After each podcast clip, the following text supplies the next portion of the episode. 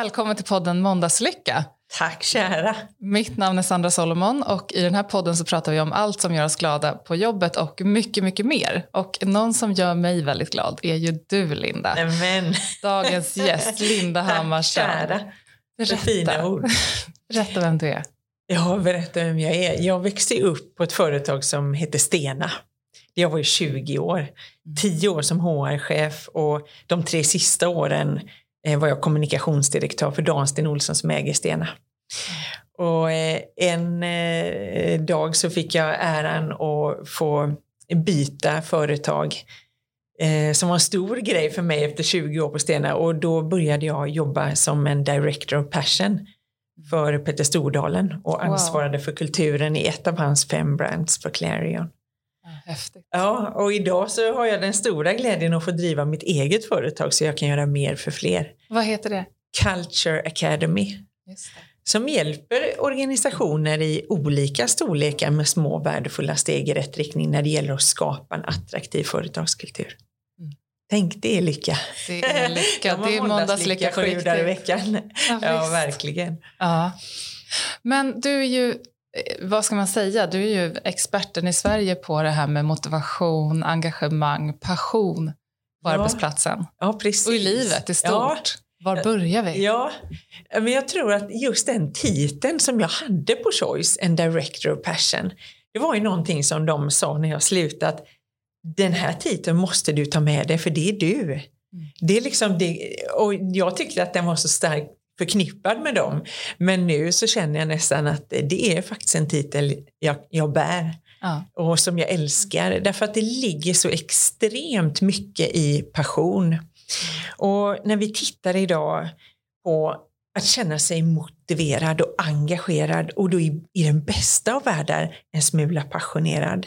Det är ju en dröm för många men också en vardag för andra. Mm. Och frågan är hur skapar vi det? Mm.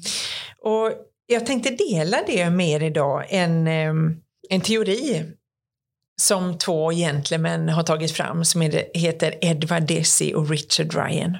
Jag har följt dem med ljus och lykta. De har vikt varje vaken minut i sitt liv, 40 år har de studerat och forskat i motivation. Wow. Och när den här studien då äntligen var färdig så gav de den här teorin ett namn och på engelska heter den Self Determination Theory och på svenska fick den något så sjukt tråkigt namn som självbestämmande teorin. Det är pisstråkigt. så jag har döpt om den till motivationsteorin. Det låter mycket bättre. Andra lät nästan det. som en lag. Ja, nej, visst, precis. Det killar ju ingenstans innanför denna klänningen i alla fall. Men motivationsteorin handlar om att det är, finns tre grundläggande behov som vi människor måste få tillfredsställt för att motivation ska kickas igång. Tre, grundlä tre grundläggande behov. Och det första behovet är att vi människor vi måste förstå helheten. Vi måste förstå vad hela vår organisation är lösningen på. Och när man börjar sätta sig in i det här komplexa, för det är ju en komplex verksamhet många är i. Ja. Och det är ju ingen one man show. När man börjar sätta sig in i hur alla vi är betydelsefulla och att vi har ett löfte till världen utanför våra dörrar, då börjar man fyllas av en känsla och det är av kompetens shit, man känner sig en smula utvald. Tänk att jag får vara med på det här. Det är liksom, titta läkemedelsindustrin, titta ni som håller på med rekrytering som är språngbrädan ut och hjälper människor till, liksom, till något bättre. Det, det är fantastiska organisationer som vi alla är anslutna till. Mm. Men när man tittar då på helheten och det här, den här kompetensen som vi vill känna det är många som inte känner den idag. Därför att världen snurrar så snabbt så man har fullt upp och bara hålla koll på vad våran lilla avdelning gör liksom. Och liksom är fullt upptagen med allt det som händer här så man mister helheten. Mm. Men Snälla du, gör dig själv en tjänst och sätt dig in i vad finns det för löfte till världen utanför era dörrar? Vad är det ni har för förväntningar på er själva? Varför väljer era kunder er när det finns tusentals med aktörer att välja mellan? Och när man har liksom grottat ner sig i detta, allting med helheten och kompetensen har flyttat in, att jag känner mig värdefull. Jag känner att min röst har ett värde. Någon här tar hand om alla mina goda idéer. Då börjar vi gå över till nästa steg i motivationsteorin. Mm. Så vi går från helheten till delaktigheten.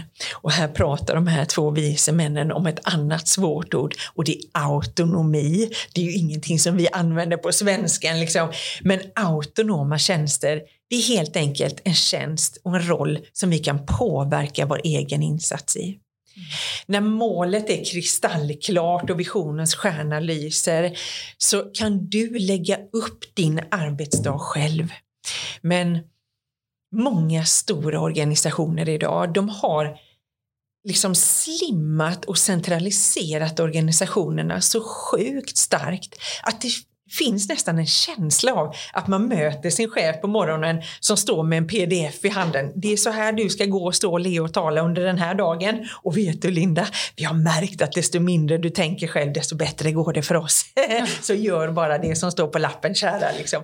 Men ja. vi vill ju inte vara med i en sån organisation. Vi vill ju kunna påverka vår egen insats, lägga upp dagen så som vi vill. Men det har ett otroligt högt värde att kunna påverka och inte minst att kunna påverka sin egen arbetstid. Att alla måste inte sitta på kontoret klockan åtta sharp längre. Man har en ledare som har tilliten till en, som förstår att man faktiskt arbetar fast man inte sitter på sitt rum. Och det måste vi tacka covid-19 för. Intressant ja, att visst. alla fick släppa taget där. Ja. Alla fick komma över tröskeln och börja tro på sina anställda och det var ett stort steg för många. Okay. Men när man tittar på eh, motivationsteorin så pratar de här två herrarna om två hormon som måste kickas igång och nästan tumla runt tillsammans. Mm. Och det första hittar vi här i delaktigheten och det är vårt dopamin. Och jag tror att det heter dopamin tack vare att man känner sig en smula dopad när det här kickar igång. Du vet när man får ett överflöd, då är man på G. Man känner sig lite mer framåtlutad och lite mer på G än resten av världen. Men vad, hur skapas då det här överflödet av dopamin? Jag kan ge er två highways. Det första överflödet, som liksom det första sättet att kicka igång ett, ett överflöd av dopamin, det får man av en sån busenkel grej som att börja höja andra. Så tänk, när du börjar belöna andra med fina ord så blir du själv belönad utav dopamin. Och det är väl ändå fantastiskt. Tänk vilken enkel grej som du kan börja med redan imorgon. Tänk om det är du som vaknar imorgon och börjar höja fem personer. Du kanske textar någon, du ringer någon, du kramar någon. Är ni med? Börja höj. Här står ni och glittrar tjejer. Tack för igår, vilket värde ni tillförde. Wow, du kom i tid, tack för det. Liksom, bara höj, höj, höj. Därför det skickar ut den mest värdefulla signalen av alla om dig själv och det är att du är närvarande. Mm. Och närvarande människor har blivit en bristvara idag. Mm. Så det finns en annan highway till till ett ökat dopaminpåslag om man nu har lite svårt för mm. att, att höja andra, vilket jag själv tycker är konstigt. Men det är att hjärnan älskar att få bli färdig. Våran hjärna älskar att få bli färdig. Tänk, ja visst, Gå tillbaka i ditt liv. Alla vi har dragit igen bildörren efter en sjukt turbulent dag på jobbet och vi säger Nej, men hur är det möjligt? Nu glömde jag göra det viktigaste jag skulle fått gjort idag. Hur fan är det möjligt? Det är alla har det hänt. Men tänk om det är du som börjar med en helt ny kvällsritual redan ikväll. Jag ska dela med mig av min. Jag har en kvällsritual på mitt nattduksbord så ligger det en rosa bok och i den här boken så är papperna nästan bibeltunna. Och i den här boken så skriver jag ner de tre sakerna som jag måste fått gjort imorgon för att kunna ta mig och mitt team dit vi önskar. Vilka är de tre viktigaste sakerna jag måste fått gjort imorgon? Och när jag börjar att skriva det här så i samma sekund så skickar jag upp en signal till hjärnan som säger så här du min vän, både du och jag, vi kan sova gott i natt, för jag har kontroll. Mm. Hjärnan ja. älskar att ha kontroll. Är det någonting som väcker dig i natten så är det stressen när du har förlorat kontrollen. Mm. Men den ska inte väcka dig fler gånger, Nej. tänker jag. Men mm, jag går igång så jag blir helt torr det finns klok. mer vatten. Men tittar man då på den här rutinen att skriva ner de här tre viktigaste sakerna och upp stiger du nästkommande dag och öppnar ditt block och tittar på vad du skrev igår och så sätter du fart direkt.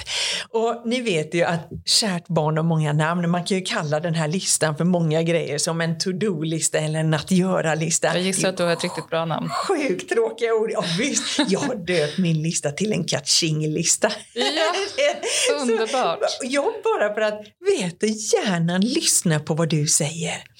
Och tänk när du sätter det här andra bocken på din lista, när du är liksom nästan klar och då säger du catching, där satte jag den andra också. Nu är jag så sjuk på G så jag tar den tredje av bara farten. Men du vet, nu är du i ett sånt tillstånd när du har börjat bocka av grejer och fått gjort saker. Så nu kan du ta dig an vilken surdeg som helst utan att du ens märker det. Mm. Så dra nytta av det här flowet som börjar kicka in när du börjar bocka av, börja säga det högt, där satte jag det andra catchinget. Och fundera en stund på vad är det du talar om för din hjärna? Hur pratar du till dig själv? Mm. Därför hjärnan hör vad du säger. Mm. Och det är extremt starkt. Mm. Tänk om det är du som vaknar imorgon och ställer dig framför spegeln och säger så här, god morgon älskling. det är du och jag idag. Som tur är liksom. Ja. Annars kan man ju välja att gå upp till samma spegel och säga, åh fy fan, är det du nu igen? Men jag lovar dig att det kommer att påverka ja. din insats under den dagen. Jag tror inte ens man behöver prova de två varianterna. Nej, precis, precis. Men, men en, en gyllene regel är, tro inte på allt du tänker då hade vi nog inte liksom, eh, stått här idag. Mm. Så det gäller att ha ett sätt där du enkelt tar kommando över din egen hjärna ibland, för ibland är den mot oss. Konstigt nog. Mm. Men när man tittar då på helheten då i motivationsteorin, vad är vi tillsammans lösningen på här? Mm. Eh, till att komma över till delaktigheten, till att ta sitt ansvar på sin sträcka mm. för att vi ska gå i mål liksom för att kunna serva till det här kollektiva målet som vi alla har signat på. Och till att komma över till det tredje grundläggande behovet. Mm. Och där står det något så vackert som meningsfullhet. Mm. Och vad bor under meningsfullheten? Jo, där bor våran grupprelation. Därför vi människor, vi är enorma flockdjur. Titta på covid, eh, liksom, titta på corona när det bara liksom lamslog och paralyserade hela vår värld. Mm. Alla de här tusentals människorna som förlorade sin anställning över en natt, vad hände med dem? Jo, de började att söka sig till nya konstellationer, nya situationer där de kunde vara med och bidra. Vissa körde ut mat till äldre, de hämtade folk på, liksom de, körde, de ställde upp med det som krävdes därför de ville ha ett värde. Mm. Och det är väl fantastiskt, ni som jobbar med rekrytering. Jag brukar tänka att du har förlorat ditt arbete, men kära du, du har inte förlorat ditt värde. Nej. Du är precis samma duktiga, unika människa som du var för en vecka sedan. Ja.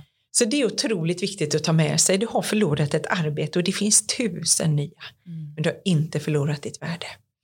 Så när man tittar i meningsfullheten så bor det andra hormonet där och det är vårt serotonin. Och serotoninet, vad gör det för oss? Jo, det hjälper oss att hålla vårt humör i schack så vi inte får de här extrema topparna och de här extrema dalarna utan det hålls i schack på en normal nivå. Liksom. Vi får våra kickar men vi går inte så djupt ner i den här depressionen. Liksom. Och serotoninet, det får man genom relationer. Det kommer utav när människor umgås, när vi får en kram, när vi blir sedda och bekräftade. Så snälla du som lyssnar, låt ingen någonsin sluta på eran arbetsplats för att den inte blir bekräftad eller sedd. Det är vårt absolut liksom, starkaste behov som människor. Mm. Och när man tittar på meningsfullheten. Så gå tillbaka en stund i ditt liv när du inte kände någon lust alls. Du fick inga kickar, du hade ingen längtan till någon. Det, det liksom var en lång räcka gråa dagar. Jag är helt övertygad om att du förstod exakt vad den organisationen var lösningen på. Du tog ditt ansvar by far på din sträcka för att nå ert kollektiva mål. Men om inte du kände någonting för dem som du arbetade tillsammans med då så kan motivation aldrig skapas. Så extremt viktig är relationen. Mm. Så mitt råd till dig är att investera i din tid och spendera inte din tid på att gå runt och gnäll. Titta på vad du kan påverka, ta ditt ansvar och säkra ditt nätverk. Snälla du, säkra ditt nätverk. Mm. Det är så otroligt viktigt. Det är genom nätverken vi hittar vår nästa kund, vår nästa arbetsgivare, kanske vår nästa partner, vad vet jag. Mm. Men det är där det händer. Mm. Så, ja. ja. Nej, men det, det, jag förstår precis vad du menar. Något som du sa som jag tycker är väldigt eh, viktigt, nu går jag tillbaka lite ja. här, men, men, du nämnde att vi som rekryterare har en otroligt viktig roll. Ja. När en människa har kanske förlorat sitt jobb och behöver ta sig ut på arbetsmarknaden igen och hitta ett nytt. Och, och man, det är lätt att man känner att man förlorar i mm. värde som människa. Mm. Eh, och där vill jag egentligen skicka med till, till oss i vår bransch, för jag har hört alldeles för många kunder berätta om att man har varit otroligt uppvaktad när man satt på ett jobb där man kunde köpa rekryteringstjänster. Oh. Och sen när man blev av med det jobbet och var mellan jobb, då ville rekryterarna nästan inte ens ta i en betong. Nej. Utan att man var bara intressant så, så länge man kunde köpa tjänsten. Ja, ja. Eh, och där är det ju otroligt viktigt att vi som jobbar med rekrytering verkligen vårdar våra relationer oavsett Precis. var man befinner sig i livet Absolut. eller på arbetsmarknaden. Ja. Och där tror jag att vi kan göra jättestor skillnad. Det tror jag också. Um, också för att också. människor ska behålla energin för mm. att att orka ja. hitta nästa jobb. Ja. För det kan vara det jättetufft bra. däremellan. Och där är det liksom en otroligt viktig sak som vi alla har. Alltså titta där på framgångsrika ledare. De lyckas att få pendeln att gå från att instruera till att börja inspirera. Mm. Och det är en otroligt viktig del i livet när man kan förhålla sig till de båda. Uh. Därför att instruera, det, är inte fel, man kan inte coacha nyanställd. Utan så här gör vi här, nu ska mm. jag visa. Liksom man vill sätta sig in i processer och rutiner. Där mm. instruerar man. Men pendeln måste rinna över, för man kan inte skedmata anställda med instruktioner. Nej. Då kvävs man till slut. Uh. Just att skapa den här delaktigheten och skapa motivationen. Men viktigt. om man nu har koll på de här tre, mm. eh, tre grundläggande behoven ja, vi precis. har för, eh, för att känna oss motiverade och engagerade, eh, är man färdig då? Ja, precis, Eller liksom är det receptet? Ja, precis. Det har ju tagit oss extremt långt just när det kommer till att skapa en engagerad företagskultur. Ja. Men det finns en sak till som är fundamentalt viktig och det är våra vanor. Mm. Därför en kultur består av vanor och rutiner. Och jag kan lova er en sak. Om ni tittar på de här ledande organisationerna och de här mest framgångsrika människorna som vi ser och följer med ljus och lykta idag. De har ingen större hjärna, varken du eller jag har. Det är inte det som har tagit dem dit de är. De har bara en smula bättre vanor än många andra. Mm. Och det här med vanor är oerhört fascinerande. Jag har ju följt en man, jag har nästan stalkat en man, Charles Duhigg och han är journalist på New York Times. Och Charles Duhigg har skrivit en av de bästa böckerna som jag har läst, The Power of Habits. Och där beskriver han att vi människor, vi lever vårt liv likt en loop. Vi vaknar på morgonen, vi gör göret, vi må falla, någonting händer, men vi reser oss upp sjukt mycket snabbare än resten av kamraterna om vi har koll på delaktigheten och meningsfullheten, om vi har ett stort umgänge och människor som tror på oss runt omkring oss. Men den här vanan består av tre steg. Han pratar också svåra ord. Cue, routine, reward, säger han. Cue, det betyder att hjärnan skickar ut en signal. Från frontalloben bak i hjärnan skickas en signal om att det är läge nu. Säg tio fikan. Det är heligt på många arbetsplatser. Man mm. ska fika klockan tio. Du vet, redan kvart i tio så brukar ju hela kroppen börja kurra på en del. Liksom. Fikatarmen kallar. Och så går de till fikat. Och vad som händer efter ett, en fika om du till exempel är rökare, det är att du går ut och belönar dig själv med en cigarett. Mm. Så Q Routine Reward, det betyder att det skickas en signal om att det är läge. Du belönar, du, du gör göret, du utför det här, den här handlingen och du belönar dig själv. Så det är just belöningen i sig som man ska titta på. Mm. Jag ska försöka förklara det så det blir tydligare. Eh, man kan ha bra vanor och dåliga vanor. En vana som jag har sett många har, som inte tänker på det själva, det är att när människor går ut och äter lunch så går man ju ner sig lite när man ätit, man blir lite mätt och man blir sittande kvar där en stund till. Och i det ögonblicket så börjar man vända dialogen till något negativt. Man förminskar någon kollega, man pratar kanske illa om någon kund, man, gör, man är lite ironisk. Man, man letar efter saker och ting som man kan trycka till. Liksom. Men tänk om man kan byta en sån vana till att efter en bra lunch avsluta med att höja någon, berätta en good story, någon som du vill lägga rampljus på. Hur tror ni det påverkar oss? Tänk vad fantastiskt! Vilken effekt! Ja, precis. Och en annan, eh, liksom just med det här med belöningssystemet, jag kan berätta jag började springa för några år sedan och det var inte självvalt från början. Jag började, jag började svimma i tid och otid. Och en morgon då när, när mina kollegor hittade mig i parkeringshuset så sa nu får det räcka, liksom, du måste ju läggas in. Mm. Och så lades jag in i fem dagar och så konstaterade de att jag har någonting som heter ortostatism. Och in kommer världens mest krassa läkare inseglande liksom och sa så här, Linda det finns alltid två sätt att lösa saker på. Du kan medicinera eller motionera, vad väljer du? Och då behöver ju jag... knappt, eh, jag vet ju direkt vad du har valt. Ja precis, då valde jag ju att sätta på mig joggingskorna. Men jag hade ju aldrig sprungit i hela mitt liv. Och det var sjukt svårt att komma över tröskeln. Där folk bara viskar så här, Linda du är på G om en månad, då har det blivit ett kall. Liksom. Nej, nej, nej, det tog ju nästan ett halvår för mig. Ja. Och där var belöningen så extremt viktig för mig när jag började springa. Så när jag var där ute i spåret liksom, och jag svettades och jag stånkade så tänkte jag alltid så här, åh, bara när jag är klar så får jag ta en bulle med tjejerna. Då ska vi fika. Det blir grymt mysigt. Jag såg den här kanelbullen liksom stor som ett berg framför mig där. Men du vet, efter några månader så hade jag bytt ut min belöning. För att då hade den här liksom nya vanan blivit en vana som hade rotat sig. Mm. Och vips så byter man belöningen. Så efter en bra springrunda idag så belönar jag mig själv med en Resorb i ett champagneglas med min man. jag tänker inte på bullarna längre. Men det är bra att ha en belöning när man ska börja och få till en vana. Uh. Det är verkligen det. När du ja. måste stålsätta dig och börja liksom leva på något nytt sätt. Och det kan vi ju verkligen ta till oss, vi som jobbar i företag och ja. vill förändra en vana. Ja. Sen är ju frågan vilken, det tänker jag beror såklart på storlek på vanan man vill få till. Ja. Men eh, har du några exempel på hur skulle man kunna belöna eh, en vana man vill införa? Ja, men det bästa ni ska tänka på det är precis det här vi precis har gått igenom att skapa en vana som får dig liksom dopad, som gör dig dopad, rik på dopamin. Mm.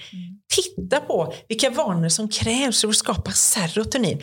Umgås med folk. Var den som bjuder på sig själv. Liksom, titta på så att du säkrar att du har vanor som ger dig glädje och som ger dig hopp och övertygelse. För det gör serotoninet och dopaminet. Börja höj människor. Börja gör klart och bocka av på den här listan. För hjärnan gör så fantastiskt mycket fina grejer för dig utan att du ens tänker på det. Mm. Ja, jag går ju inte igång på ordet disciplin. Jag tycker det låter lite tyskt och stramt. Men, men faktum är att disciplin är inte så tokigt därför det är bron över till en ny vana. Mm. Och det behöver vi ibland. Finns det några vanor på företag som alltid är bra vanor? Eh, Ja, det är ju vanor som vi själva har valt av oss väl valda vanor. Och det kan ju vara vanor som, som utgör själva eh, kulturen. Titta på liksom jag tänker på Joe and the Juice. Ja. Eh, om ni har varit på Joe and the Juice så ser ni ju killarna lite framför er. När man öppnar dörrarna till Joe and the Juice så möts man av de här killarna. Du vet, de har nylagt hår. De har nyblekta tänder. De väger inte ett gram mer än vad nöden kräver. Så bara tar de det med blicken så här. Men du vet, de nickar inte en gång utan de nickar två gånger precis som att vi är redan ihop. är man 50 år så går man igång på den nicken som du förstår. Men liksom, jag är Tittar man på Joe and the Juice, Kasper Basse som startade den här juicekedjan, han var ju så grymt fascinerad över diskoteksatmosfären. Så han ville ta den atmosfären och stoppa ner den i en juicekedja. Och det får man ändå säga att han lyckades väldigt bra med. Och jag är inte ute efter huruvida ni går igång på diskoteksatmosfären, det fattar ju du också som lyssnar. Men jag ber er att fundera en smula på hur får Kasper Basse de här balla boysen att nicka i takt från Vessigebro till Venice Beach? Mm. Jo, de har bestämt sig för hur de vill upplevas och det har ni med. Och det är bara att hålla i. Därför att det är normen på kulturen. Och normer kan skapas utav dåliga vanor också. Titta på era mötes eh, er möteskultur. Är det okej okay att komma inslampade med en kopp kaffe tio minuter för sent på ett möte och ignorera alla, liksom öppna sin egen dator och sitta och mejla under tiden andra pratar? Det kan också bli en del av kulturen och det är livsfarligt. Mm. Så, så titta på vilka av er välvalda vanor har ni för att det skapar en innerligt fin kultur. Mm. Men det gäller att hugga i och göra de här små sakerna varje dag. De är viktiga. Nu har vi ju pratat om det här med, med motivation och, och, forskningen bakom det och hur viktiga vanorna är för att skapa en, en riktigt bra företagskultur. Um, men vad börjar man då? Hur gör man? Ja, hur, är hur får man allt på plats? Precis. Det var ju precis den frågan jag fick för tio år sedan av Dan Sten Olsson som äger Stena. Ja. Han ringde mig en morgon och regnet öste ner och jag var på väg till jobbet. Och han sa, Linda, jag behöver din hjälp. Och gode värld, tänkte jag, han var ju som en legend för mig. Mm. Sitter som privat ägare för en hel Stenasfär med 22 000 medarbetare över hela världen i en rad olika eh, liksom branscher. Allt från finance, shipping, drilling, fastigheter, återvinning inte minst. Mm. En man med extremt mycket erfarenhet. Och jag minns, jag polerade upp mina lackskor och jag gick ner till honom och när jag kommer in så sitter han vid bordet så sa han så här, jag behöver din hjälp, jag börjar bli till åren nu. Jag vill att du hjälper mig att konservera mitt sätt att göra business på Worldwide. Jag vill att du åker ut och marinerar våra 22 000 medarbetare med vilket avtryck vi ska avge världen utanför våra dörrar. Wow. Åh gode värld, vet jag, det enda jag fokuserade på nu det var ju att hålla min mun stängd så inte jag täckte hela hans skiva med saliv. Wow. Men precis detta hade jag ju drömt om i tio år. Liksom. Och efter några timmar så hade jag avgett ett löfte. Jag hade signerat ett kontrakt med honom och när jag la min hand på hans handtag och skulle lämna rummet så viskade han till mig sa sa Linda, du kan börja med ett vitt papper. du vet, bless my soul tänkte jag. Nu var ju jag redan ute och frälste hela världen med vilket avtryck vi skulle lämna liksom. Men när det här champagneruset hade glidit ur min kropp så låg det där vita blanka pappret där och tittade på mig. För hur skulle den här utbildningen bli så att vi på riktigt gick tillbaka till våran arbetsplats med gutset som krävdes att våga testa någonting nytt? Mm. Hur skulle den bli så att det inte blev ännu ett inspirationsfyrverkeri? Du vet när vi tänder hela gänget, de dansar hem ihop i natten men väljer likväl nästkommande dag att göra allt på precis samma sätt som igår. Det är nog för många som känner igen det. Ja, hur skulle den bli då? Och för tio år sedan så inte hade jag inte själv den här kunskapen som jag precis har delat med er om motivationsteorin och kraften som vanorna tar med sig. Utan jag fick packa min väska en natt och jag drog till Disney Institute. Jag åkte till Disney University som jag tycker är de absolut främsta i världen. Både på att skapa en upplevelse men också på att vara den mest attraktiva arbetsgivaren tio år i rad. Då, då krävs det en enorm medvetenhet, då vet man vart man är på väg. Och man har hittat ett sätt där man gör medarbetare till medansvariga. Och jag lovar er, hur passionerad du än är i livet, när du sätter dig i den här skolbänken så kändes det som någon bara har lagt en härdsmälta över mig. Som att jag hade en blöt filt över mig som bara sakta försökte kväva mig till döds. Och jag minns det idag när jag klappar i händerna och säger så här till han läraren, du får ursäkta mig förstår du, men jag är från Sverige. Jag måste börja skriva ett och annat här. Jag måste fråga, vad betyder magic? Då sa han så här, Linda, Linda, du har en alldeles unik förmåga att ställa alla dina frågor fel. Så då får du hjälpa mig. Så jag, hur ska en fråga tas? Ja, men du ska inte leta efter definitionen på vad magic betyder. Du ska fråga, hur skapar vi magic? Och det är en vital skillnad. För vips så går vi från att ha 10 000 medarbetare till att få 10 000 medansvariga över en natt. Alla som arbetar här måste ha en egen plan för hur de ska vara med och bidra till vårt gemensamma löfte. Tänk, de gör alla delaktiga. De gör alla delaktiga så att de får känna att de är med och skapar någonting meningsfullt. Är ni med på hela mm. den här luppen liksom med motivationsteorin? När man tittar på eh, Disney och dagarna på Disney så efter ett tag så började jag liksom känna att de hade en rytm på Disney som jag älskade. Och det är faktum liksom att alla har en culture rhythm, en mm. rytm i organisationen och den här rytmen den attraherar oss. När vi hamnar i, med ett gäng som servar i samma takt som vårat hjärta slår, då går vi igång. Och Rytmen beskriver vilka vi är. Är vi James Bond eller Moder Teresa? Är vi varma eller kalla? Är vi långsiktiga eller kortsiktiga? Vilka är vi egentligen? Men rytmen har en otrolig Eh, tendens att få med sig folk. Men när vi tittar på rytmen, vad det gör för en organisation, så gör den organisationen attraktiv. Och det är en viktig fråga att ta med på en intervju också. Mm. Där man tittar på hur snabbt går det i den här organisationen? För det vi ser i världen idag, det är att stora organisationer kommer att bli omsprungna av en startup ingen ens har hört talas om. Mm. Tack vare att de stora organisationerna fryser för sakta idag. De har för mycket underhudsvett. Ja. Är ni med? Så, så det har en stor påverkan på snabbheten i organisationerna idag. Mm. Det är mm. de som kommer att vinna slaget om framtiden. Mm. Men när man tittar på Disney där, där jag gick och filosoferade, så en kväll så blir vi sittande på en hamburgerrestaurang. Och jag minns hur läraren frågade mig så här, du Linda, vem har huvudrollen här då?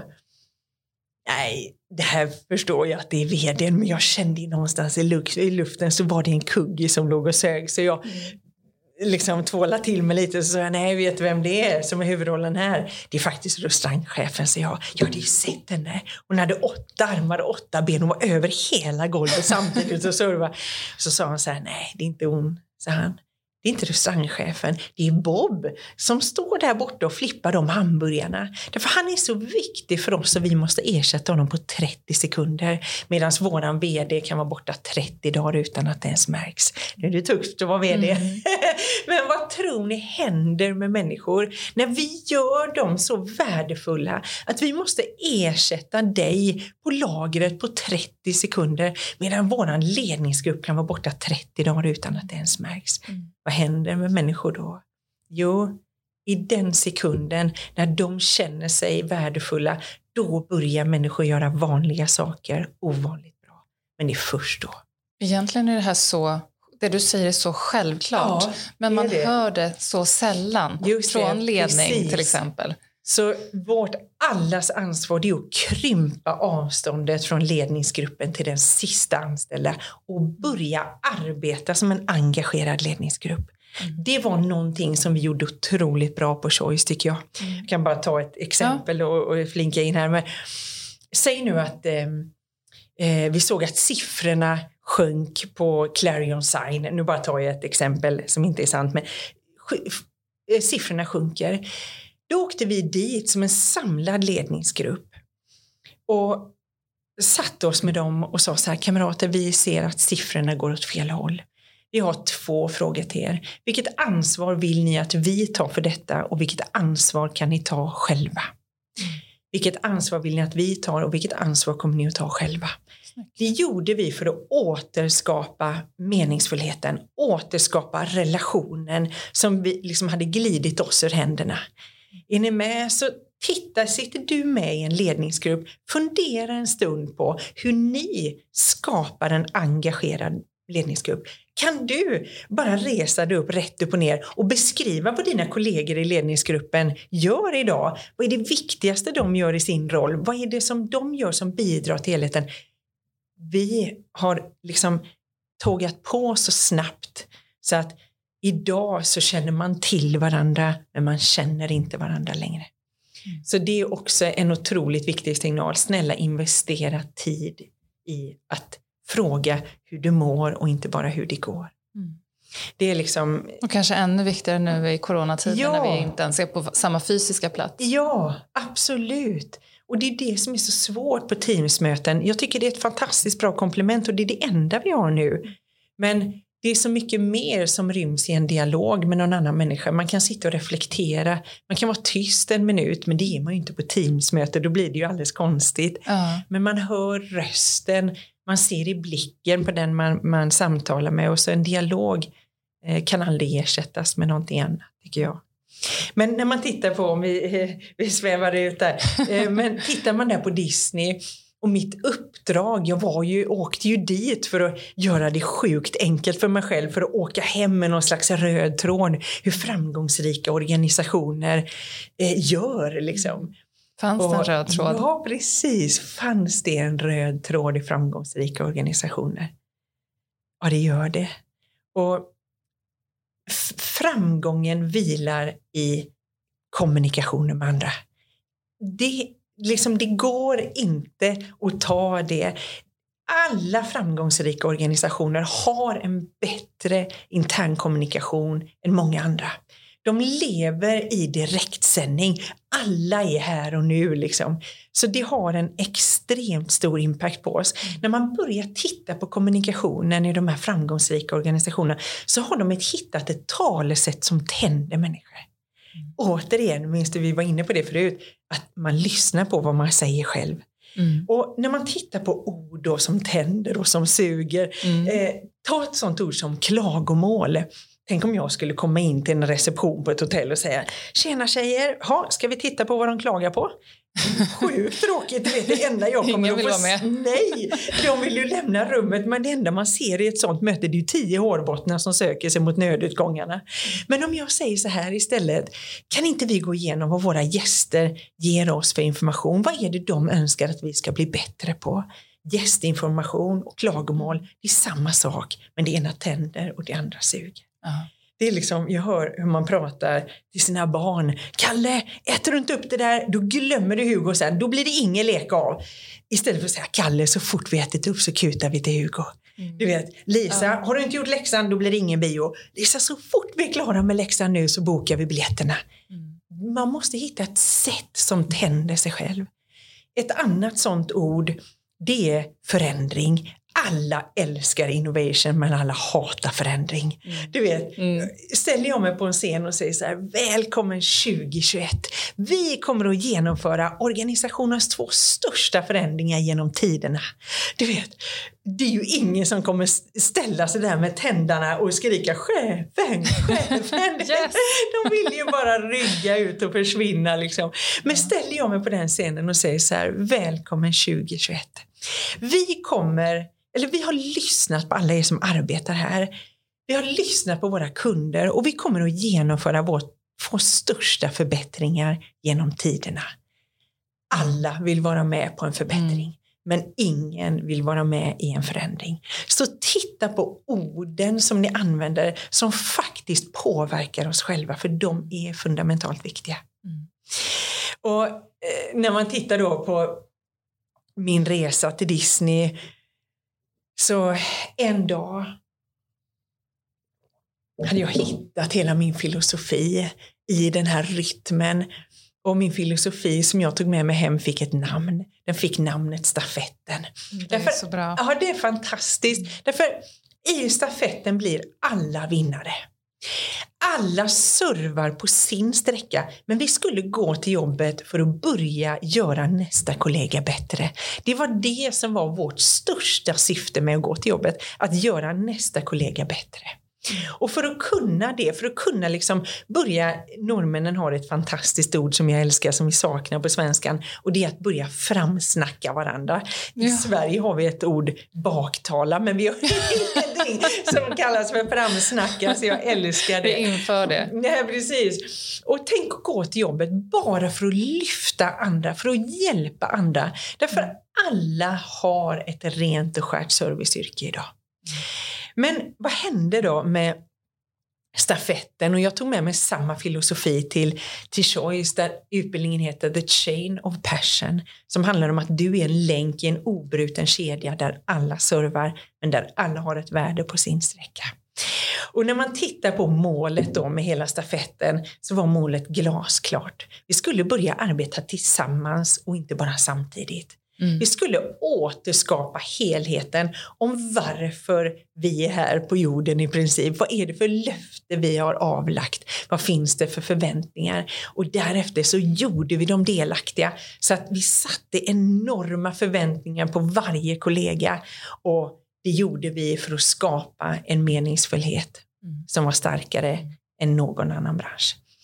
Så stafetten eh, lärde oss extremt mycket jag började ju göra otroligt, liksom jag ansträngde mig verkligen att göra en gedigen förstudie mm. och redan där så förstod jag att vår strategi hade liksom blivit luftballonger som åkte upp i luften som ingen lyckades få tag i och tratta ner. Så för dem kändes det bara som att det var en lång räcka dagar.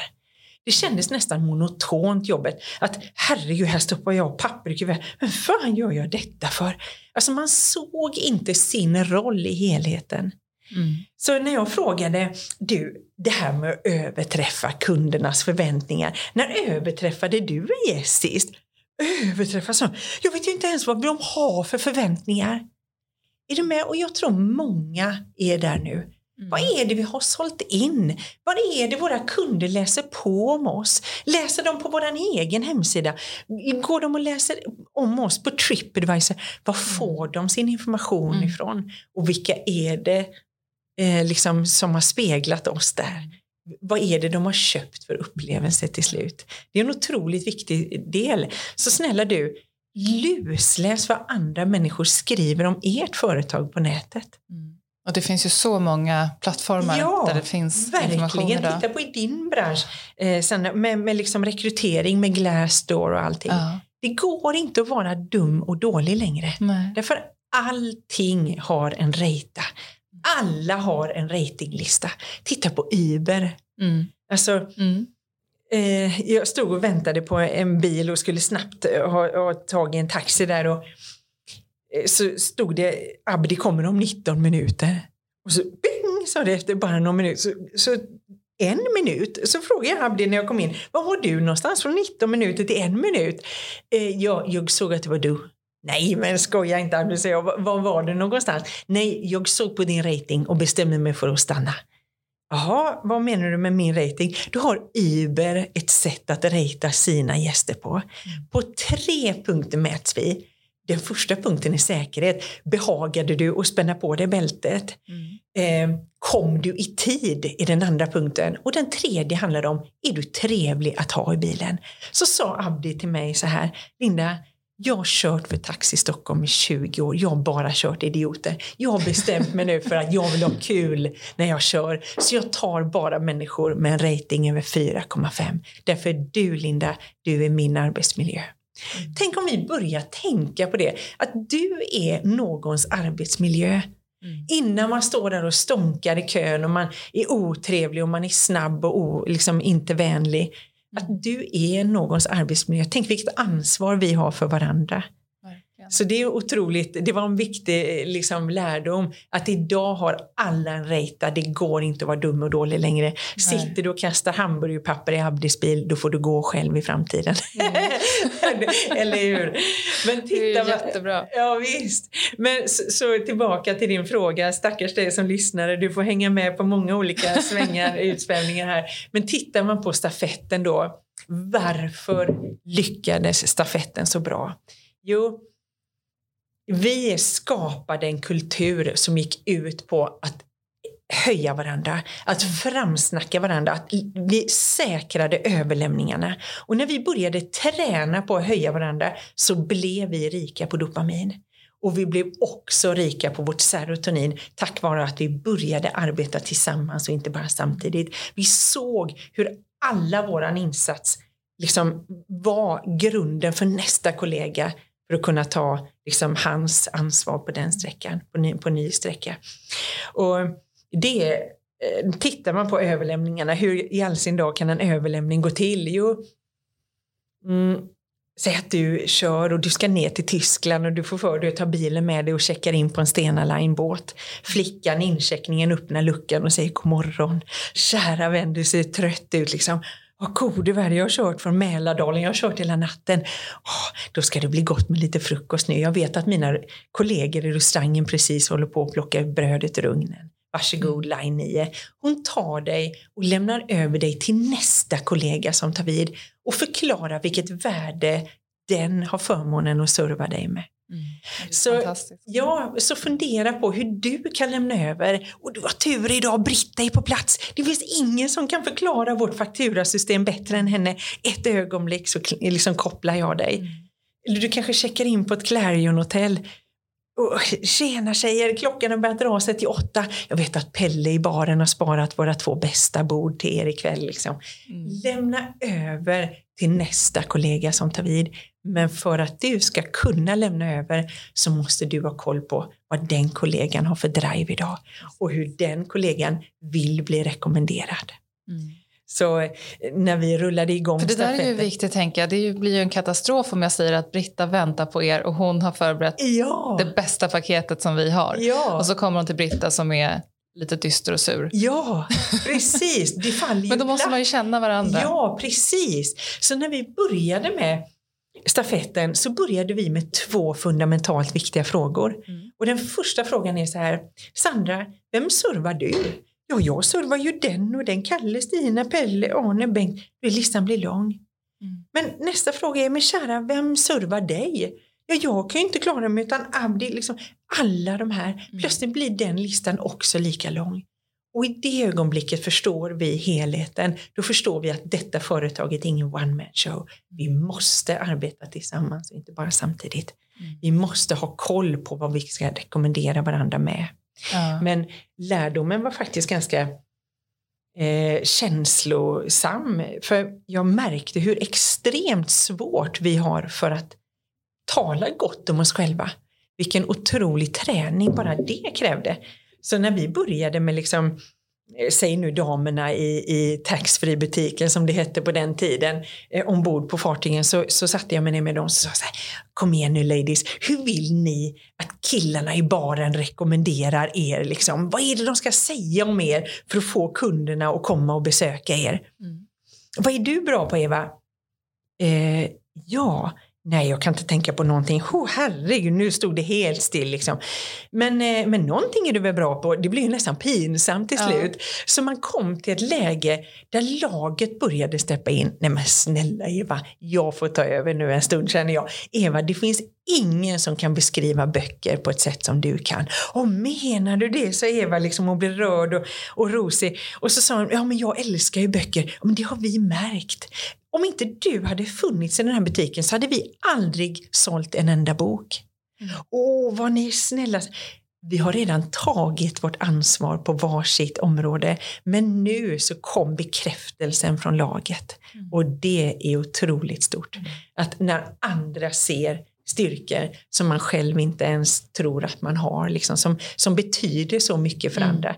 Så när killarna då skulle börja göra reklam för Eva så kunde en fråga vara hur ser morgondagen ut kamrater? Liksom, Nej, vi ska vidare här, vi har åtta timmar i bil ner till Tyskland och ja men du, vad bra, jag vet att Eva fick in en låda nya böcker igår passera Eva så ni köper en bestseller utav henne så ni har lite att göra i baksätet. Mm. Är ni med på överlämningarna? Ja, vi började att rekommendera nästa kollega. Mm. De kanske liksom sa, du åtta timmar i bil, bunkra upp med vatten, vi säljer i taxfree, liksom, mm. vi säljer i butiken där nere. Så börja marknadsför det ni själva säger, säljer med ett värde. Jag tänker vinningen för medarbetaren är ju enorm, men ja. det är ju lika fantastiskt för kundupplevelsen. Ja. Hur glad blir man Alla inte när man får det där bemötandet? Ja, ja, precis. Så man liksom säljer ren och skär omtanke. Och för varje, återigen, för varje människa du belönar så blir du själv belönad med nytt dopamin. Mm. Så det, är, det går ju att få till detta i ett ekosystem där vi mår bättre. Mm. Där vi hittar vanor som kickar igång oss. Ja, det är faktiskt det. Och det första vi såg, med, om man nu ska liksom titta på mål som vi satte till de här serviceutbildningarna då, stafetten och the chain of passion, är att vi började krympa korttidsfrånvaron därför människor fick ett sånt extremt värde och en människa som känner sig värdefull blir sällan sjuk. Mm. Så, och vi började också bli bättre på internrekryteringen därför vi ökade kunskapen om det vi själva säljer. Så man blev sugen på, äh, jag, jag, vill ju börja jobba med killarna i baren, de är ju sjukt trevliga. Jag har aldrig känt dem men nu liksom, du vet ju krympt avståndet. Mm. Så återigen, det är en stor skillnad på att känna varandra än att känna till varandra. Fantastiskt också om man kan få medarbetare att vilja stanna ja. företaget även om de vill vidare i, i tjänsten. Ja, precis. Så, så slipper man tappa dem till ja. någon annan som kan erbjuda rätt typ av arbetsuppgifter. Ja, det är, det är ju otroligt bra. Ett gott råd här om du är ledare. Eh, så snälla du, Sänk inte dina medarbetare, hjälp dem att hitta rätt sträcka i stafetten. Mm. Så att man byter sträcka då och då, när man kan axla upp energin och liksom tempot så att man är redo för liksom, men din, liksom ditt största syfte som ledare det är att bidra till en intern rekrytering. Så att du kan släppa vidare en kollega eh, i sin karriär som du har rustat med det bästa självförtroendet mm. och den bästa kunskapen. Och det ger ju nu ska vi se om jag blandar ihop de här, serotonin och dopamin ja, i mängder. Ja, som ledare absolut. är det något av det bästa man kan göra. Det blir en win-win liksom. Ja. Absolut, så är det. På Stena brukade vi säga så här att när en kapten slutar så ersätter vi dem med en grovdiskare. Någon som var sist in på fartyget liksom. För när, liksom, säg nu att matrosen blir förste styrman, förste styrman blir andra styrman, andra styrman blir överstyrman, du vet. Och så plötsligt så har alla i alla redo att bara mönstra upp ett tack. Det är fantastiskt. Det är en välmående kultur. Så Linda, om jag har förstått dig rätt så är ju det du menar är att, att ljuset ska ligga på medarbetarna och att magin ligger någonstans i överlämningarna mellan medarbetarna. Ja, precis. Det är 100 procent rätt. De vilar i överlämningarna mellan kollegorna och desto bättre vi blir på att rekommendera varandra och vilket värde nästa kollega kommer att tillföra, desto bättre kommer vi att både må och, och liksom på få bättre resultat. Det går hand i hand. Mm. Men eh, det är ju fascinerande det här med, det finns ju ett jag vet inte om du har hört detta förut som lyssnar, men det finns någonting som heter showrunner branding. Och vi är ju extremt beroende av frontfigurer, ikoner i organisationerna som har en sak gemensam och det är en våldsam energi titta, eh, liksom, om man tittar bara på begreppet och innan showrunner branding, det kommer ifrån filmindustrin från början. Mm. Och när Hans Rosenfeldt var klar med sitt manus till Bron så knackade han på SVTs dörr och sa så här Tjena, jag har ett manus här, men jag kommer bara sälja det till er om jag får vara showrunner. What the fuck is that liksom? så här är det. Det här är en långserie, den spänner över år. Huvudrollsinnehavare, de kommer och går, men själen ska bestå från första avsnittet till sista och det ansvaret, det tar jag. Och gode väl, nu började ju hamsten kuta på näringslivet. Jag menar, det finns ju uppenbara synergier här, inte sant? Vi försöker ju också spänna över år. Huvudrollsinnehavare kommer och går, produkter byter kläder, men själen ska bestå. Mm. Men finns det någon sån på firman som tar det ansvaret? Och sitter någon i publiken och stånkar, ah, vi har ju en varumärkesexpert som ligger hela dagen och kollar i bokstaven tjock, tunn, ligger den ner, står den upp? Det var inte det han menade. Han menar ju, han var ju inne i hela själen och grävde nu. Och då börjar man titta så här, har vi några showrunners i världen? Och det är klart vi har. Mm. Och det de delar, det är energin och övertygelsen. Titta på Elon Musk, titta på Steve Jobs när han ställde sig och lanserade iPhonen för första gången och pressreleasen startade. Det enda han pratade om på den pressreleasen, det var en sak, det var om värdet den här skulle tillföra just dig. När han säger så här, vet du, från den dagen den här blir din så kommer du aldrig längta tillbaka till ditt gamla liv igen. Från den dagen den här blir din kommer den att förenkla för dig varje dag. Liksom, som en sista rad så sa han så här, vet ni vad, man kan ringa i den också. Och vad sa folk? Är det, ja, it's an internet phone, it's an iPhone. Liksom, han hade bara framställt den som att det var en, en, en, liksom fickdator. Han pratade om en sak slaviskt och det var värdet. Aldrig någonsin hur många procent snabbare hans motor tänkte än fjolårets Samsung. Utan, Man har ingen aning om vad det betyder. Ingen aning, precis. Utan bara värdet den skulle tillföra dig. Och det är där vi vinner. Liksom. Och en annan showrunner, det är ju min gamla chef Petter Stordalen. Tänk när han får lite fredagsfeeling och mm. går ner på torget bygget och köper ett nytt hotell, då kommer inte han in till oss på måndag morgon och säger så här, äh, jag köpte en tegelkåk här nere på torget, vi ska flytta in där första i tolfte, omsätta 257 procent mer än grannarna. Liksom. Det är ju inte han, när han får feeling och han går ner på torget och köper grejer. Du vet, han har ju stått upp och sovit nu i tre dagar, bara blåser upp dubbel, dubbeldörrarna till oss. Liksom. Vi måste skapa det mest fantastiska mänskliga med varför Och vi som står och lyssnar, Jag får ju rysningar. Shit, liksom, man kan ju ta ta på handtaget men vilken känsla som ska bo där. Uh. Tror du någon ställer sig i den här publiken och tänker så här, nej fy fan vad tråkigt, inte ett sånt tillställe, jag spyr. Alltså han har alla oss i handen tack vare att han har gjort oss behövda. Så när han bolmar igång så är det enda jag fokuserar på är vilket ansvar vill han att jag tar på min sträcka så att vår kollektiva dröm går i lås. Liksom. Mm. En annan eh, jag kan ta en kvinna också, Greta Thunberg. Man kan tycka vad som helst med Greta om Greta, men hon har onekligen fått världen att börja gå lite snabbare mot ett gemensamt mål. Mm. Och inte för många veckor sedan nu så fick hennes motsvarighet i Tyskland, Angelina Bauer, också 16 år, en fråga ifrån Siemens där frågan var Kära Angelina, skulle du vilja sitta med i vår styrelse? Wow. Nej du tack, så hon. Jag har viktigare saker för mig. Ja. De här är så dedikerade sitt mål så att allting annat går bort. De vill göra klart liksom. De är så starkt dedikerade och de ser vad de är lösningen på och de har också en kraft att få med sig folk under armarna. Mm. Att du får 10 000 pers med dig under vingarna som går ihop och ler i takt. Culture mm. rhythm.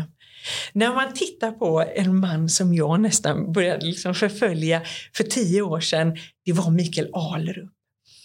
Och Mikael Alrup han var VD för Astrid Lindgrens Värld. Mm. Och varenda gång när jag hörde honom på nyheterna så tryckte jag på play 200 gånger till. Jag hörde hans röst när jag drömde. Du vet, jag klippte ut varenda artikel och hade alla artiklarna i ett album. Wow. Och en morgon Sandra, när jag var på väg till jobbet så fick jag för mig att nu har jag lyssnat färdigt. Jag ska gå ut med Mikael och släcka hela Göteborg ihop med honom. Liksom. Jag såg ju oss gå ut på världens långlunch. Så jag ringde upp honom och sa jag så här, god morgon Mikael, vet du om en sak? Nej, du och jag, vi ska gå ut på världens långlunch, vi ska släcka hela stan ihop. Och det enda jag hör nu är så här, du Linda, jag skulle inte tro det. Men då hann jag tänka så här, den som vill mest vinner tänkte jag. Så samtalet det fortsatte vips så började han prassla med sin filofax och vi fick ihop en dejt. Ja. Och nu sitter jag med honom i blickfånget och jag säger kära Mikael, jag har lyssnat på allt, jag har läst allt.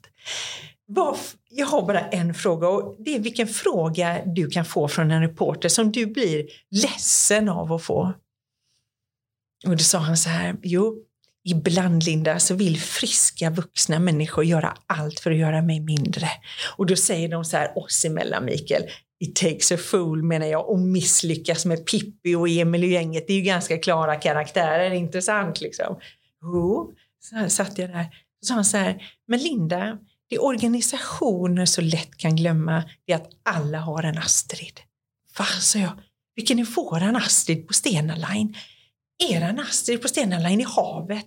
Alla som reser med, de reser för att uppleva havet. Och mitt huvud bara flög ombord.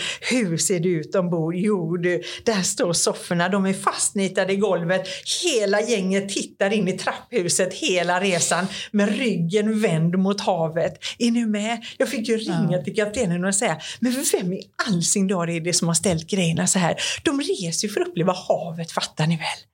Du vet, jag hann ju springa ikapp kocken i korridoren och säga Älskade vän, det kan inte heta köttbullar med mos. Det måste heta kanonkulor med mos, förstår du väl? Men frågan är till dig som lyssnar nu, vad är eran Astrid? Vad är det ni har i eran organisation som kunderna vallfärdar för att uppleva tillsammans med er? Och vad är det ni har byggt hos er som gör att du väljer att komma tillbaka när golvet har gungat i ett halvår? Vad är eran Astrid? Mm. Och vi människor, vi kan skada en strategi, vi kan skada ett varumärke så länge det inte berör oss. Men ingen vill skada sin Astrid. För det är själen ni har byggt upp ihop, det är det fina. Mm. Det är den man pratar om fem år efter man har lämnat en organisation. Mm. Så, så showrunner branding, titta på organisationen. Vilka är det som syresätter den? Låt dem jobba i fred i mitt tips. Mm. Därför de här har sån extrem kraft. Både när det kommer till att implementera nya idéer men de är rent tändvätska. Alltså om vi ska vara krassa och ärliga, ingen människa vill jobba för Choice eh, liksom som en arbetsgivare att den skulle vara så mycket bättre men alla vill jobba med Petter Stordalen. Ja. Är ni med? Och har man inte träffat Petter på ett år då börjar ju glöden falna.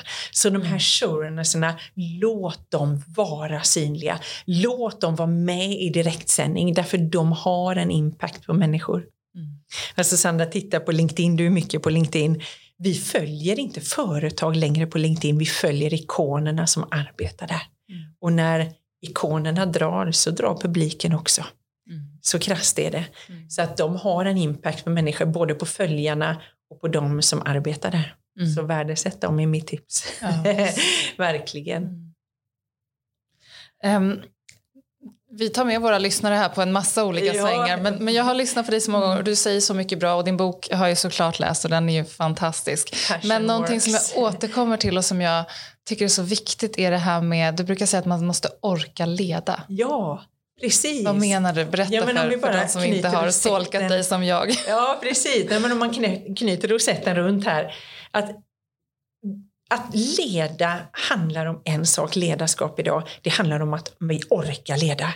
Det handlar om att vi orkar ha energin som krävs för att vara där de andra är. För att orka ta det där samtalet. För att orka liksom dra strategin en gång till fast på ett nytt sätt. Att man orkar liksom vara, att man orkar vara en förebild idag. Men för att kunna tända andra så måste man brinna själv.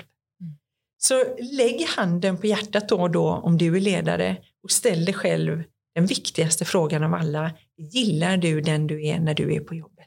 Mm. Det är en otroligt viktig och ärlig fråga. Och har det här orken lite glidit dig ur händerna så är det ett pris som dina kollegor får betala och det priset kommer alltid vara för högt. Så då och då så kanske det är läge att lämna över stafettpinnen till någon annan mm. en stund. Mm. Därför vi är helt avhängda, vi är helt beroende av en ledares energi och en ledares ork. Vi är verkligen ja. Ett litet medskick där. Mm. Det är så lätt att man tänker om den här glöden falnar så är det väldigt lätt att tänka att byta jobb alltid är lösningen. Ja. Eh, men en egen erfarenhet från, från, från min karriär mm. är att det inte alltid har varit just lösningen har inte alltid varit att byta jobb utan Nej. det kan lika väl vara att faktiskt utvärdera det man har och välja om det på nytt. Ja. Eh, jag läste en gång en bok som heter Omval ja. och det handlar just om att du behöver titta på ditt liv. Hur ser det ut? Hur vill jag att det ska se ut? Och var är glappet däremellan? Och då kan det också vara så att du landar i att nej men, jag är ju precis där jag vill vara. Ja. Och komma ihåg att uppskatta det. Ja. Eh, och det har jag gjort vid ett antal tillfällen. Jag har varit på First sen jag började här 2011 ja. och vid fler än ett tillfälle har jag tänkt att är det dags för mig att röra på mig. Ja. Eh, men varje gång har jag landat i att nej, jag är, på ex jag är exakt där jag vill vara och jag gör det jag älskar och tycker är jättekul. Ja, men jag har behövt den insikten, för ja. det är så lätt att man glömmer bort vad man ja, är och vad man har. Ja, det är ett superfint inspel. Och det är någonting som jag skriver om i min bok också, Passion Works. Att Ibland är det viktigt att vi får vara nya på jobbet igen. Ja. Tänk om det är du som kommer till jobbet som du vore den första dagen. Mm. Du har gjort det lite extra fin. Du är liksom genuint intresserad av vad kollegorna gör och, mm. och hur de har tagit sig dit de är idag. Mm. Men just den här genuina empatin och nyfikenheten, den måste vi väcka till liv. Så det var ett fantastiskt fint inspel. Att tänk på att liksom, det är du som är ny på jobbet imorgon igen. Liksom. Mm att man är sådär intresserad nästan lite nykär. Ja, de här nykära precis. människorna. Det är, liksom, det är ju någon som man vill ställa in i förrådet och stänga dörren för de orkar ju inte många med. De som tycker allt är kul, liksom. de som ja. oh, nu är det måndag igen och det är så himla lätt och roligt allting. Liksom. Ja. Ja, men nej, men det är en fantastisk är inställning. Um, Linda, nu Tala om fint, vi har ju haft ett fantastiskt samtal här. Ja. Eh, jag uppskattar så mycket att lyssna på dig och prata med dig. Tack, och få kära. Nästan två timmar ensam med dig så här ja, är ju det är underbart. tycker jag också. um, men alla våra lyssnare nu som, som har lyssnat på dig och ja. vill komma i kontakt med dig och tänka att gud, vi måste, vi måste ha ja. Lindas hjälp. Ja, Var hittar precis. man dig? Eh, ni hittar mig på LinkedIn är nästan det lättaste, Linda Hammarstrand. Mm. Följ gärna mig där. Eh, så, så, så, hjälps vi åt att berika Linkan med värde. Och mitt företag heter Culture Academy ah. som hjälper organisationer som sagt med små värdefulla steg i rätt riktning. Och jag föreläser och jag håller ledarskapsutbildningar. Och du har skrivit en fantastisk bok som heter ja, Passion Works. Passion kan jag Works. varmt rekommendera. Den är fantastisk tycker jag själv därför att jag är ingen boktjej egentligen jag slet slaviskt med att få ner stora trender på en sida. Så att en sida är nästan ett kapitel. Ja. Så jag lovar ja, den är otroligt. Den är lättläst som spunnet socker brukar jag säga. Ja. Den är kul att läsa ja, verkligen, det är bra. rakt igenom. Den skulle ge oss energin vi behöver nu, så det var syftet. Ja. Sista frågan. Ja. Vi eh, älskar ju måndagslycka här ja. på First. Vilket är ditt bästa tips för måndagslycka till alla Se våra lyssnare? Se över dina vanor. De är så viktiga. Titta på hur du belönar dig själv och titta på att har du vanor som ger dig glädje. Mm. Det är mitt tips. Linda, tusen tack för att tack, du har varit med här. Tack kära.